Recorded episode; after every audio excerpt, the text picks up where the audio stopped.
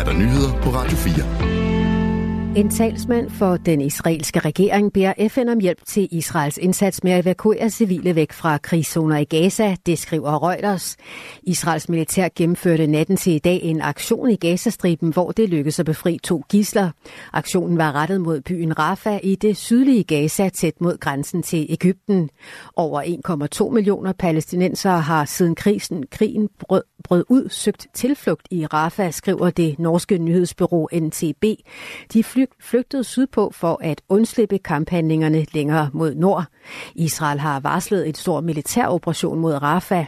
Rafah ligger ved grænsen mellem Gaza og Ægypten. Tidligere forlod det, at Ægypten har forstærket sine grænser til Gaza. Under normale omstændigheder huser Rafah omkring 275.000 indbyggere, men grundet krigen befinder mere end halvdelen af Gazas befolkning, heriblandt 600.000 børn, sig i området omkring byen.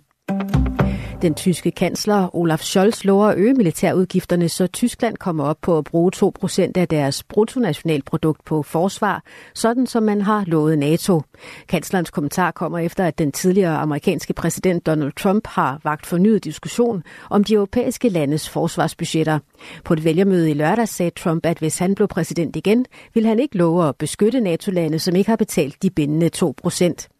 Ifølge den franske udenrigsminister Stéphane Séjourné skal alle i Europa omgående forberede sig på muligheden for, at USA muligvis ikke vil beskytte NATO-allierede, som ikke bruger nok penge på forsvar, det skriver Reuters. I Finland opfordrer den nyvalgte præsident Alexander Stubb sine landsmænd til at forholde sig i ro, trods Donald Trumps kommentarer.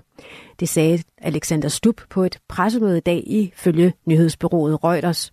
Amerikanske valgkampagner er meget anderledes end finske valg, og den retorik, der bliver brugt, er en del stærkere. Jeg tror, at det på dette stadie er bedst at forblive rolige og fokusere på at opbygge vores datomedlemskab, siger Alexander Stubb. Men Finland er også et af de lande, der bruger mere end 2% af landets BNP på forsvar og dermed opfylder NATO's mål. Statsminister Mette Frederiksen tog tidligere i dag første spadestik til en ny ammunitionsfabrik i Tyskland sammen med den tyske kansler Olaf Scholz.